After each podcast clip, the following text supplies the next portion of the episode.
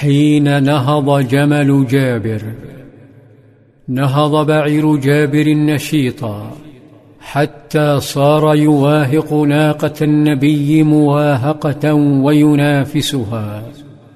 وواصل القائد صلى الله عليه وسلم تفقد جنده فهو لم يكن بمعزل عنهم لم يتميز عنهم بطعام أو فراش أو خباء.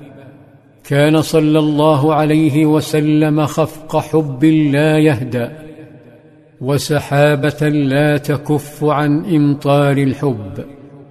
قال جابر إنه كان يتخلف عن المسير فيزجي الضعيف ويردف ويدعو لهم.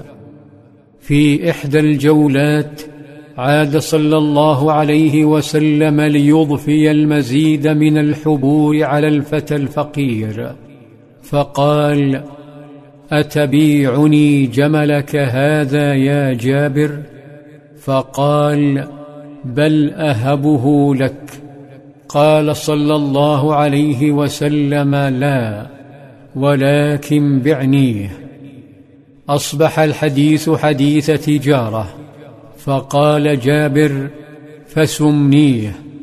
قال صلى الله عليه وسلم قد أخذته بدرهم. فقال لا إذا تغبنني يا رسول الله. قال فبدرهمين. قال لا.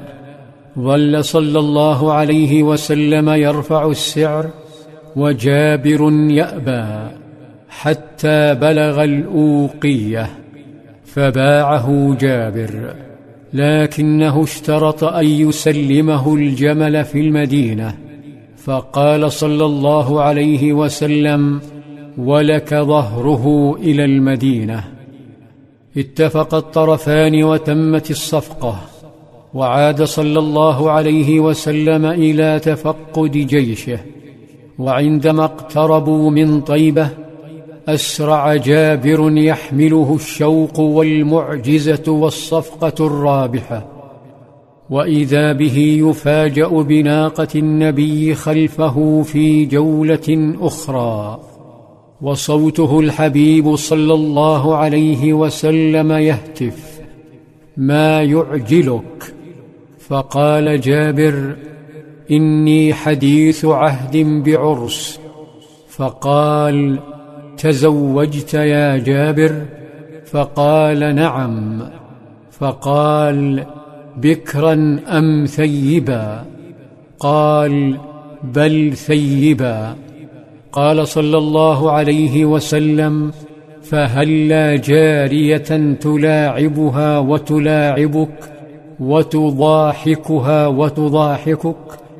فقال جابر إن أبي ترك تسع بنات فكرهت أن أجمع إليهن جارية خرقاء مثلهن فتزوجت امرأة تقوم عليهن وتصلحهن تعلمهن وتؤدبهن امرأة تمشطهن وتقوم عليهن.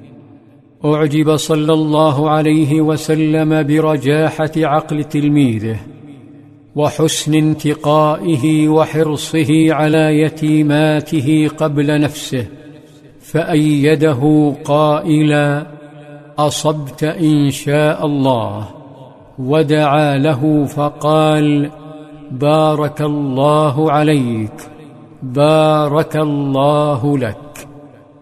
ثم استشاره وكأنه من كبار رجال الدولة في أن يتوقفوا بمكان يقال له صرار لينحروا جزورا. فيصل الخبر إلى النساء فيهيئن البيوت. توقف الجيش وصنعوا طعاما وبعد الطعام تأهب البعض لدخول المدينة.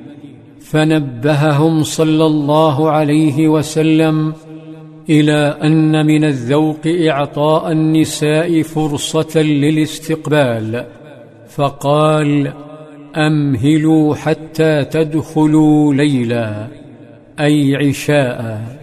خيم الليل فتحرك الجميع. وحدث جابر عروسه بأسلوب النبي في التعامل مع المرأة. فتأثرت كثيرا. لم يكن صلى الله عليه وسلم وحده غاية في الذوق. نساؤه كن كذلك. ذات يوم دخلت عليهن امرأة رجل ثري. دخلت عليهن في ثياب مبتذلة وهيئة الرثه فإذا بهن يغيرنها ويغيرن زوجها معها.